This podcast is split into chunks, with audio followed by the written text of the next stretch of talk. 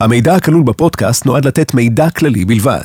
אין להסתמך על המידע או לראות בדברים ייעוץ משפטי, המלצה או תחליף לייעוץ משפטי או חוות דעת משפטית. לקבלת טיפול או ייעוץ משפטי יש צורך לפנות לעורך דין המתמחה בתחום הרלוונטי באופן פרטני.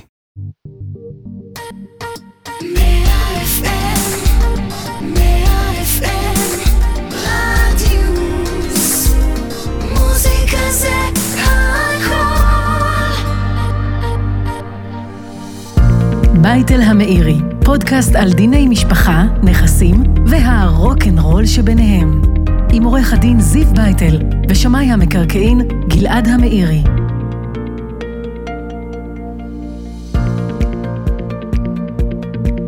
שלום לכם, כיף שהצטרפתם אלינו לפרק נוסף של בייטל המאירי, פודקאסט על דיני משפחה, נכסים וקצת, אולי אפילו הרבה רוקנרול, כאן ברדיוס 100 FM. אני עורך דין בייטל, מומחה לדיני משפחה וירושה. אני גלעד המאירי, כלכלן משפטן ושמאי מקרקעין. מדי שבוע אנחנו מדברים כאן בפודקאסט על סוגיות משפטיות שבהם בני משפחה נאלצו ואפילו עדיין נאלצים להתמודד על מקרים כאלה ואחרים שבמרכזם עמדו דילמות קשות של רכוש, נכסים, ואיך אנחנו אומרים, כאן בדיוק מתחיל הרוקנרול גלעד. לגמרי. אז בפרק הזה אנחנו נדבר על משהו מאוד מאוד מעניין, אנחנו נדבר על צוואות ועל התנגדויות לצוואות. אבל לפני שנתחיל עם המקרה הראשון שלנו, נזכיר לכם שאתם יכולים להזין לנו כאן במגוון הפלטפורמות השונות, באפליקציה, באתר, בספוטיפיי, באפל פודקאסט ובגוגל פודקאסט של רדיוס 100 FM. יאללה, נתחיל זיו. אמ, דבר ראשון, אני שואל אותך, בתור המומחה כאן, למה בכלל צריך צבא? אני לא מבין את זה. יש נכסים, סבבה, הכל בסדר, יש חוק ברור, מגדיר מה הזכויות של היורשים. מי בכלל צריך צבא, חוץ מלפרנס אותך, למה זה טוב? טוב, אני עוד בקטע של הרוקנרול, אבל אם אנחנו באמת מדברים על אה, רוקנרול שיכול להיות רוקנרול משפטי, אז כן, הנושא של הצוואות, גלעד זה אחד הדברים היותר חמים, קשים אה, ובעייתיים שיש לנו היום במערכת המשפט, בטח במערכת המשפט של דיני המשפחה, אנחנו תקועים לפעמים שנים הרבה בבתי המשפט, חמש, שש, שבע שנים על סכסוכי אה, ירושה.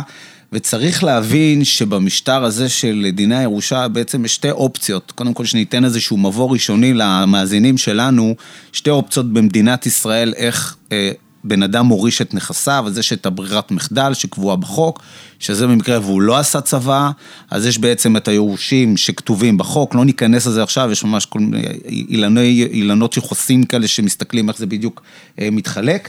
אבל uh, הדבר שהוא יותר מעניין, והוא בעצם נשוא רוב הסכסוכים, זה באמת עניין של צוואות. צוואה זה בעצם אדם שכותב באיזושהי פלטפורמה קיימת, אם זה צטלה שהוא כותב על נייר, או בפני עורך דין, או נוטריון.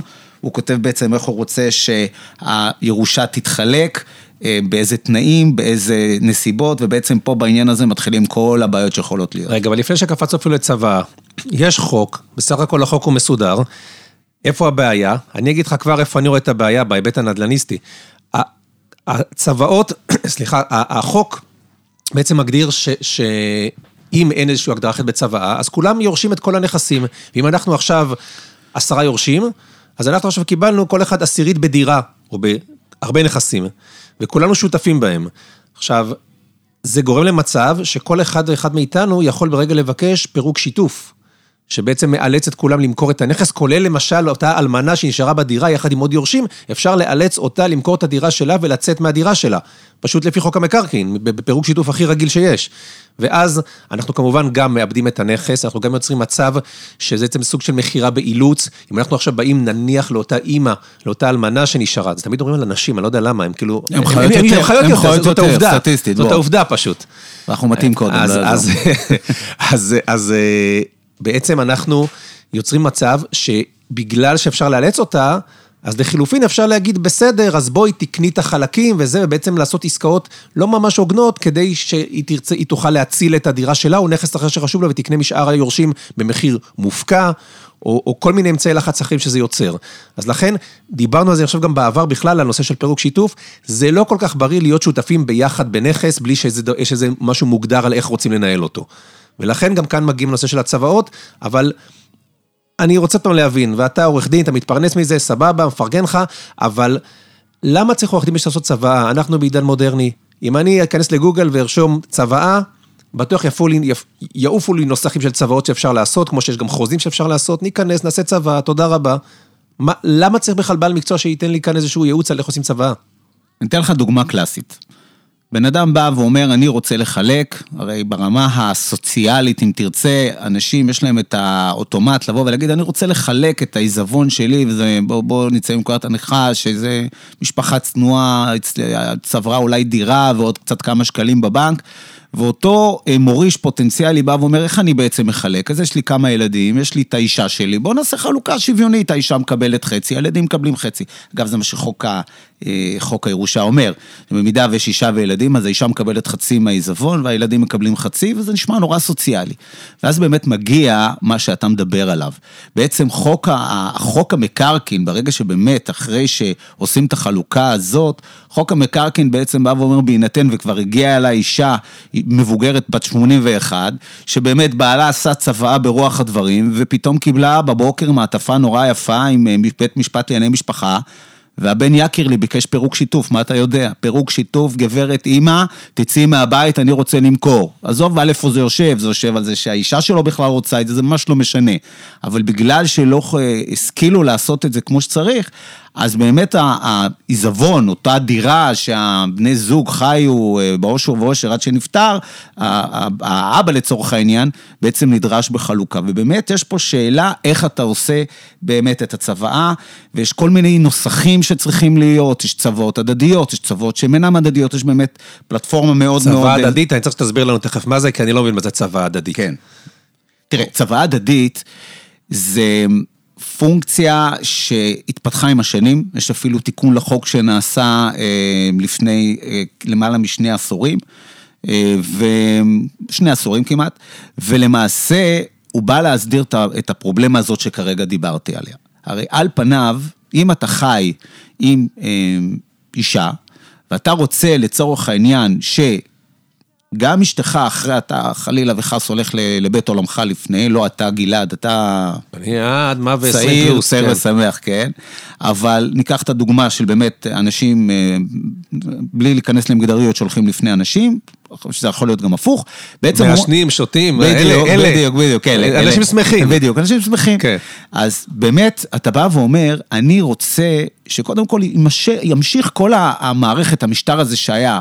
אנחנו בני הזוג צברנו את הנכסים, ורק אחרי ששנינו הולכים לבית עולמנו, רק אז הילדים יוכלו אה, לקבל את מה שצריך, ואז זה אפשר להסדיר בצבא הדדית. המשמעות של צבא הדדית זה בעצם ששני בני הזוג הולכים לאדון עורך דין, והנה אנחנו פה נכנסים פה, יופי יופי מתפרנסים, אבל זה לא ממש אה, פרנסה לצורך העניין, כי אנחנו, אתה יודע, גילה, אנחנו לא מתפרנסים מצוואות. אתה יודע, אנחנו מתפרנסים. מסכסוכים על צוואות. אל תעשו צוואות, אנשים, בואו, תנו לנו... לכו לגוגל, תורידו מגוגל. ואז אנחנו... ואז תבואו, ואז תבואו, בדיוק. אוקיי. אז מה שאנחנו אומרים, זה שבעצם, אנחנו בנושא של צוואות הדדיות, אחד מוריש לשני, זאת אומרת, מקבלים את כל המאה אחוז, ואז רק אחרי ששני ההורים הולכים לבית עולמם, רק אז הילדים נכנסים כיורשים לאותם צוואות, ואז בעצם יש את ה... אין את אותה מקרה של אישה מבוגרת שצריכה להתגלגל במסדרונות בית משפט עם אה, פירוק שיתוף של אה, איזה בן שהחליט שבא לו לממש.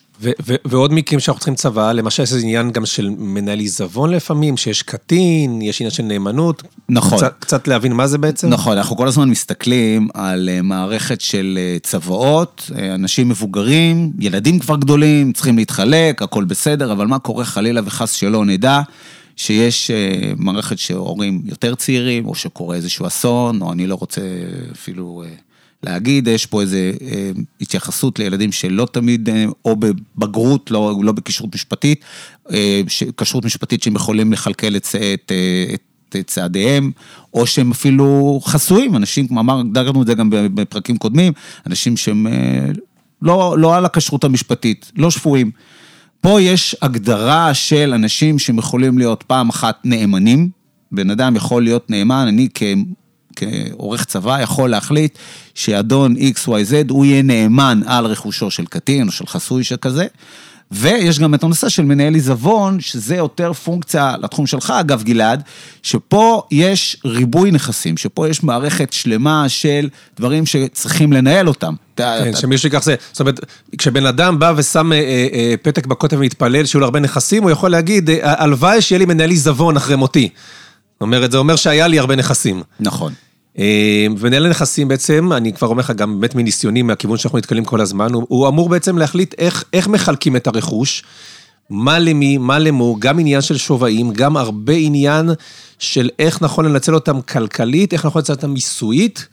גם זה דבר שצריך לשים אליו לב, כי בסוף הוא בעצם הופך לסוג של מנהל נכסים, שצריך להחליט אם מוכרים, מתי מוכרים, בכמה, באיזה אופן, איזה סוג עסקה עושים, רגילה, קומבינציה, יש טווח עצום של, של שיקולים לקחת את זה, ובאמת זה חלק ממה שמנהל עיזבון אה, עושה, שכדאי שיבין גם בנדל"ן, או לפחות ידע את אה, מי לשאול על הדברים האלה.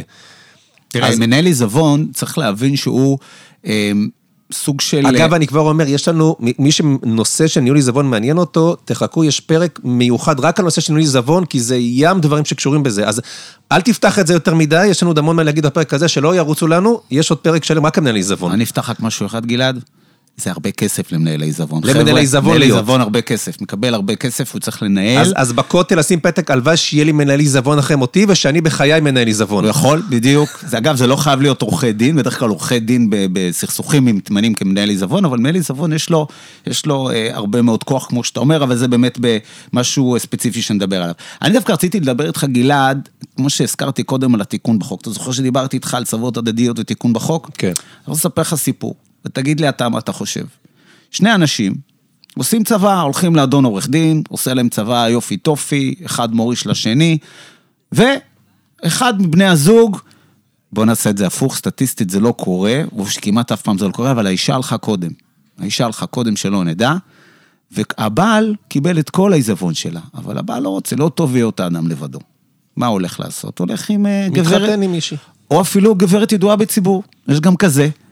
גם, לג- גם לידועה בציבור, או לידוע בציבור, יש זכויות, גלעד, צריך לדעת, זכויות גם או ירושה, וגם uh, צריך להבין, וזה נורא חשוב, נקודה מאוד חשובה, חבר'ה, צוואות, אם אתם לא רושמים צוואות, אתם יכולים להיות עם בן זוג או בת זוג, ויש להם זכויות הורשה מכוח החוק, זה חלק מאוד חשוב, ולפעמים ההגדרה של ידועה או ידוע בציבור זה פונקציה שצריכה להיבחן בית משפט, נוס, נושא לשיחה אחר. אבל, מה, מה, מה ההסבר הסוציאלי ההגיוני שאני נתתי לך את הכל, או נתתי לך את הכל, אבל עכשיו אתה הולך ועושה צבא אחרת. הרי אנחנו יודעים שצבא לעולם דינמית, אני יכול לעשות כמה צבאות שאני רוצה, אני יכול לעשות מה שבא לי. עשיתי צבא איתך, אבל יופי, עכשיו אני רוצה לעשות צבא אחרת, כי יש לי אה, בת זוג חדשה. מה עושים אז? אז נכנס התיקון לחוק. של הצוות ההדדיות. של הצוואות ההדדיות, בדיוק. אומרים שהרי כוונת המשורר לא יכולה להיות שאני נותן לך את הכל, ואת אחר כך הולכת ועושה מה שרוצה, או, או, או, או מתחתנת עם מי שאת רוצה ומשנה. אני נתתי, או אני אה, אה, הורשתי לך כדי שבסופו של דבר מי שיקבל זה הילדים. אז זה לא יכול להיות שאת תבואי ותעשי מה שאת רוצה. ולכן תיקון בחוק אומר את הדבר הבא. אם בדעתך לשנות את הצבא, אתה באמת רוצה להוריש את זה למישהו אחר, פתאום לא בא לך טוב, אתה רוצה לתת את זה לאחד הילדים בצורה אחרת, אתה צריך לעדכן בכתב את בן הזוג השני, הראשון לצורך העניין. ומה קורה גלעד אם הוא כבר לא בחיים? בעיה שלך, בעיה אז אתה לא שלך. יכול לזוז אתה לא מזה. יכול, אתה לא יכול אז יש לך את. זה וזהו. נכון, אתה לא יכול לזוז מזה. אוקיי, עכשיו בוא רגע נתקדם למה שהתחלנו בו בעצם את הפרק, ההתנגדות לצבא. זאת אומרת, יש לנו צוואה, ואני רוצה להתנגד לה. עכשיו, הצוואה היא סגורה, תפורה, גמרנו, בן אדם מת, רשם. על, על איזה סיבה בכלל אני יכול להתנגד לצוואות? יש לך דוגמה? בוא אני אשאל אותך. יש לך דוגמה, מה יכול תראה, להיות... יש לא- לי דוגמה הכי ברורה, שזה טענה, אתה יודע, הכי מהסרטים. הצוואה מזויפת. נו, נו. זייפו כאן, זה לא נכון, הח- החתימה לא נכונה, זה בכלל לא זה. לזה גם יש פתרון פשוט. אה, מישהו יטען את זה, תביא גרפולוג, ישווה, יגמור את הסיפור. יפה. יופי, זה דבר... גלעד, אתה יכול לעשות אה, שינוי אני קריירה. יכול לעשות פודקאסט על נושא של דיני לא, משפחה, אתה יכול אתה לעשות אומר. שינוי קריירה חופשי, אני רואה שיש לך- יש לך את זה, גלעד. איזה עוד דוגמאות? מה אתה חושב? מה עוד יכול להיות רלוונטי ב- בצוואות? תראה, יש לך גם נושא, שאנחנו כל הזמן דנים בו על נושא של אה, אה, כשירות של בן אדם, או, של אי כשירות. יפה. הבן אדם דמנטי, הבן אדם זה, אנחנו מכירים את הסיפורים שהמטפלת הפיליפינית אה, החתימה אותו על צוואה והוריש לה את כל הבית. והוא בכלל לא יודע שהוא כזה, או שיש לו, או, או שיש לו מטפלת. בית או שיש לו מטפלת, או כן. זה. פה, ומה- פה זה, זה נקודה מאוד יפה, כי פה אנחנו שוכחים שאנחנו מדברים על אנשים שכבר הלכו לבית, לבית עולמם. לך תוכיח מה בדיוק היה המצב, הרי אנחנו יודעים, וזו נקודה שמפרנסת יופי יופי את עורכי הדין ומפארת את מסדרונות בתי המשפט שנים הרבה.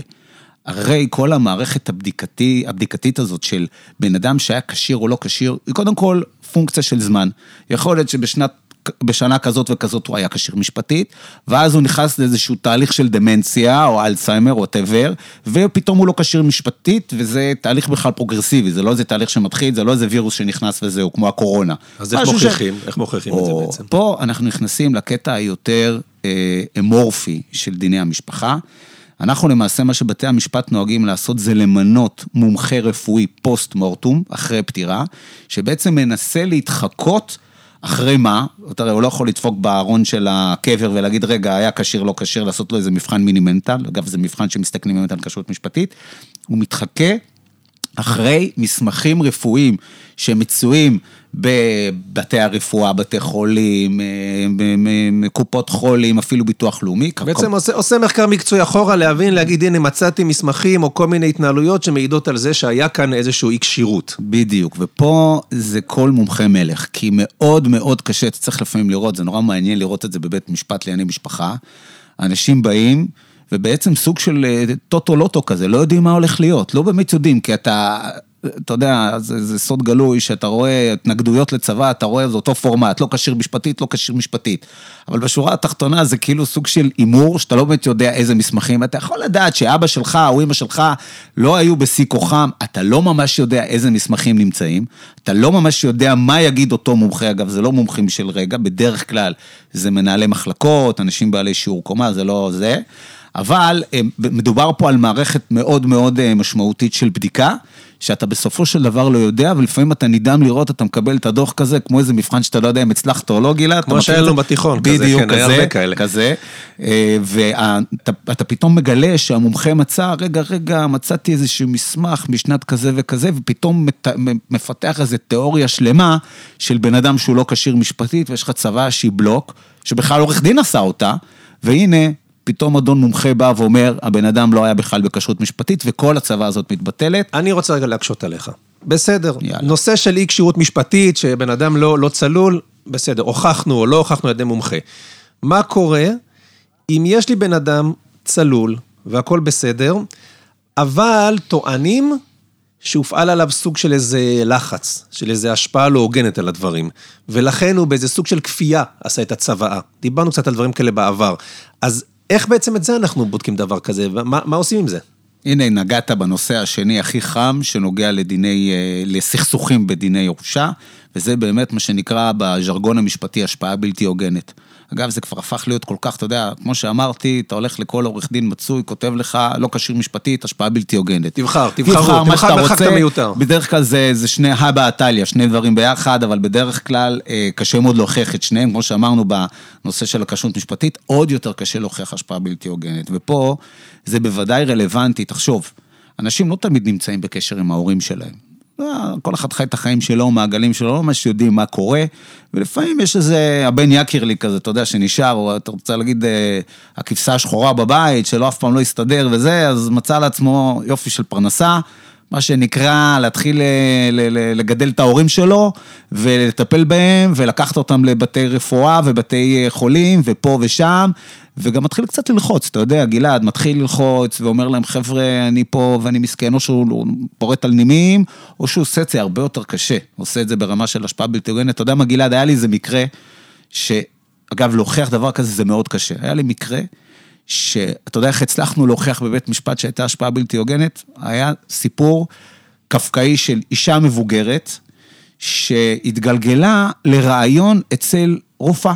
הייתה רופאה שבאה, הלכה לאיזה ביקור. עכשיו, הרופאה לא נתנה לא, לאותו בן שליווה אותה להיכנס לתוך, ה, לתוך אה, החדר אה, בדיקה. אז הבן, מרוב לחץ, שהאימא שלו תגיד משהו שהוא לא רוצה שהיא תגיד, או, שת, או שלא יודע מה, תזמרר, עמד מחוץ לדלת והתחיל לשרוק.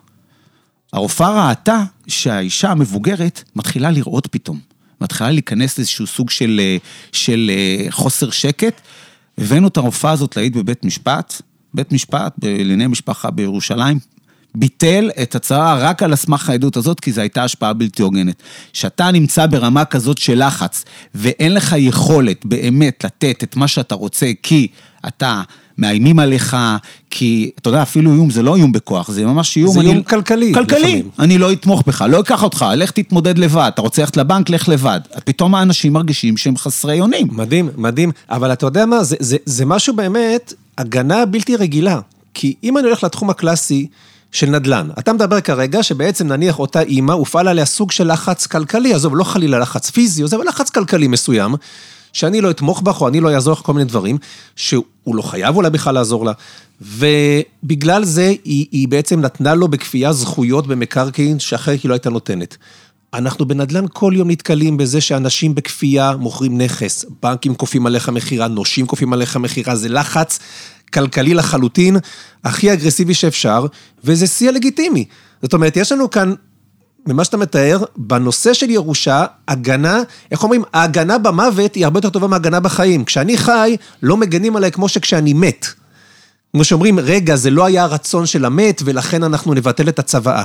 למרות שאפשר להגיד, זה לא בדיוק מגנים על המת, זה מגנים על החיים, על אלה שאמורים לרשת, על היורשים.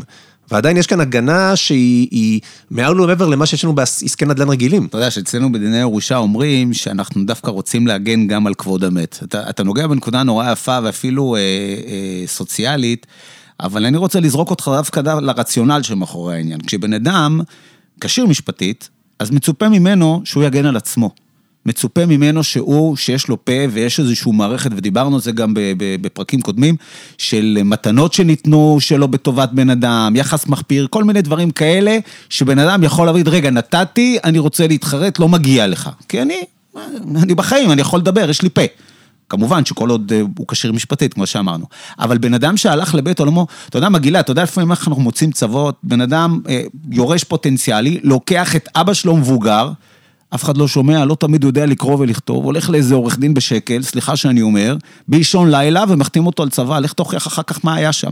מי ידבר בשמו? מי יגיד שזה לא היה בסדר? לכן? יש את הרגישות הגבוהה הזאת. בדיוק, יש רגישות, כי אף אחד לא יכול באמת לדבר, ופה נכנס כבוד המת, שבאים ואומרים, אתה יודע, לפעמים אני אומר לאנשים, חבר'ה, אתם עושים כל כך הרבה הסכמים בחיים שלכם. כל כך הרבה הסכמים בחיים שלכם, ודווקא את הדבר, את, את ההסכם הכי חשוב עלי אדמות, אתם ממסמסים את זה אנשים הלאה. לא אוהבים לדבר על מוות, אבל צריך לפעמים לדבר גם על הדבר הזה. אה, תגיד לי, אה, אה, לסיום, אני רוצה רגע ללכת מהנכסים להון, לכסף. כן. מה קורה לנו בעניין של צוואה על אה, כספים בבנק? זאת אומרת, בעיקרון, אין בעיה, יש כסף, אתה יורש את הכספים, הכל בסדר, דיברנו על מקרקעין, שזה בעיה, זה פירוק שיתוף, זה לצאת מהדירה, זה כל מיני באמת עניינים ש, שהם באמת בעייתיים פיזית. אבל מה יש עם, עם, עם בנקים למשל? יש ירושה, תודה רבה, אתה יורש עכשיו מחצית מחשבון בנק, לצורך העניין, הכל בסדר. יש משהו לעשות מעבר לזה, שמעניין אותנו בכלל? שאלה מעולה, גלעד, אני אספר לך מקרה שהיה ככה היה. הגיעה אליי אישה מבוגרת בת 85, באה ואומרת, נפטר הבעל. הוא היה שר החוץ, שר הפנים, כל שרי הממשלה שאתה יכול, לא טיפלה בכלום, לא יודעת משום דבר, יש לה איזה חשבון בנק, לא יודעת מכלום, לא השכילו לעשות צבא. אתה זוכר שדיברנו על זה שלא השכילו? במקרה הזה אפילו היה איזשהו צטלה כזה שהיה צריך לאשרר אותו, שהיה צריך לבחון אם זה באמת משהו שהוא, אה, אפשר אה, לעשות איתו אחר כך צבא. גילה, אתה יודע כמה זמן לוקח בבית משפט? עד שבית משפט מכשיר צוואות כאלה שהם צטלה, צוואות על פתקית, כמו שאנחנו קוראים לזה, שזה קשיר. אני שזה- מניח שחודשים בטח. במקרה הספציפי הזה, אתה יודע, בפתק הזה היה חסר רק שני דברים עיקריים. אחד, כותרת שזה צבא, שתיים, החתימה שלו. זה הכתב שלו. אגב, לבתי המשפט לענייני משפחה יש את היכולת לבוא ולאשר דבר כזה. אבל גלעד, זה המון חודשים. היא צריכה כסף מחר לארנונה, והיא חשמל. לא יכולה בינתיים לגשת לחשבון הבנק שלה. הבנקים, יש להם איזושהי יכולת כזאת מטורפת, הם יודעים לשחרר, לקבל כסף, הם יודעים, אבל כשצריך לשחרר, ימצאו לך את כל הבעיות בעולם, אגב, לא מזה שהם רוצים את הכסף, מפחדים כמובן מתביעות. ברגע שהם יודעים שמישהו נפטר, אם זה מתגלה להם, עוצרים את הכל, גלעד, תביאו לנו. זאת אומרת, צו- רגע, זאת אומרת, צוואה סטנדרטית, או, או בהיעדר צוואה בכלל, אני ירשתי חשבון בנק שהיה חשבון משותף, בעצם, נכון, זה, נכון. זה הנקודה, היה חשבון משותף נכון. של הבעל, של האישה, ועכשיו אני רוצה למשוך כסף בכספומט, לקחת כסף מהזרון לך, אדוני, שמענו ש, שבעל החשבון המשותף נפטר, אתה, עד שאין ברור של הצבא בדיוק איך ומה, אתה לא זז. עוצרים את הכל. עכשיו, זה לא רק שיש לך צבא, אתה לא מראה לבנק ממש צבא, אתה מראה לבנק צו קיום צבא של רשות שופטת, יכול להיות 80 צבאות, אתה צריך להיות שמישהו יגיד שזה בסדר, גם זה לוקח זמן. גם זה לוקח אה, לא מעט זמן. בן אדם לא יכול לשלם בינתיים כלום. מה הפתרון? מה הפתרון? תקשיבו ותרשמו טוב מה שאני אומר, סעיף אריכות ימים. זה סעיף שלא תמיד שמים לב, לא תמיד הבנקאי שפותח לכם חשבון בנק, יש לו ערנות מספיקה להגיד לכם או, או, או, או, או לוודא שאתם חותמים עליו. זה סעיף שמאפשר לבן הזוג שנותר בחיים להמשיך להתנהל בחשבון, לפחות לתקופה מסוימת, ואז בעצם נפתרת הבעיה, מי שחתום על סעיף כזה יכול להמשיך להתנהל. זה סעיף המסמכים של הבנק. זה סעיף לא קשור לצוואה. הבנק, לא קשור לצוואה. זה כשבאת לעורך דין, לא בגוגל, אלא ממש לעורך דין. הוא אומר לך, הצוואה, הצוואה, הכל נחמד, אבל רוץ רגע לבנק, יש לכם חשבון משותף, תחתום על סעיף אריכות ימים. חבר'ה, רוצו, הבעיה. רוצו בהמוניכם. רוצו, תעשו סטופ, רגע, אבל אחרי השיר בסוף, תעשו סטופ ורוצו לבנק לסעיף אריכות ימים. בדיוק. אם יש לכם חשבון משותף, אם אתם לבד, הכל בסדר, תמותו לבד, אני לא יודע מה יקרה אחר כך. נכון, נכון, נכון. חבר'ה, בנקים, דבר מאוד חשוב. בנקים, אגב, יש להם קטע נורא אה, בסכסוכי ירושה, הם לא מעניין אותם כלום, תביאו לנו או הסכם שכולכם חתומים עליו, או תביאו לנו צו שיפוטי, אתה יכול להיות תקוע עם מיליונים בבנקים, ואתה בסוף לא יכול... וזה כמובן אמצעי לחץ, אבל נכון. שרבים על הצוואה, כן לקיים אותה, לא לקיים אותה, איך מחלקים, מה מחלקים, היה השפעה הוגנת, לא השפעה, אז אם אני עכשיו בלי סעיף אריכות ימים, יורשים אחרים יכולים לנצל את הלחץ הזה ולהגיד, אין בעיה, אין סעיף כזה, אנחנו נגרור את הצוואה עכשיו הרבה זמן, עד שאתה תראה כאן משהו, גם אם תקבל את מה שאתה רוצה, בינתיים בבנק אתה לא מושך כספים, ואולי אתה בינתיים מסתובב בלי, בלי כסף בכיס. בנקים זה אז- כיף. הכל כיף, אנחנו כאן בשביל הכיף. מה יהיה אה, היום? מה לא, אז מסיימים? רגע, אז קודם כל אני חוזר על ההמלצה הזאת, אה. עזוב, דיברנו, דיברנו, בסוף יש המלצה אחת באמת חשובה. רוצו לבנק לסעיף אריכות ימים. חד זה משמעית. קריטי, זה לא בעיה בכלל. חד משמעית, נורא פשוט, או שלשים לב שאתם פותחים חשבון בנק, תפתחו אותו עם הסעיף הזה, לפעמים הבנקאים לא מספיק ערנים, לכו תבדקו. טוב, אז לפני השיר, קודם כל תודות לכולם, עד כאן היה הפרק שלנו היום, ותודה שהייתם איתנו, ואנחנו מזמינים אתכם להאזין לפרקים נוספים של בית אל המאירי, במגוון הפלטפורמות של רדיוס 100 FM, באפליקציה, באתר, בספוטיפיי, באפל פודקאסט, בגוגל פודקאסט. אה, אנחנו מעדכנים בפייסבוק, באינסטגרם של רדיוס 100 FM כשעולה פרק חדש, אז אתם אה, מוזמנים לעקוב ותשתפו, תשתפו, תפרגנו לאחרים, תעבירו את זה הלאה. אה, תודה לצוות שלנו כאן באולפן, תודה לבייטל, תודה מאירי. בכיף.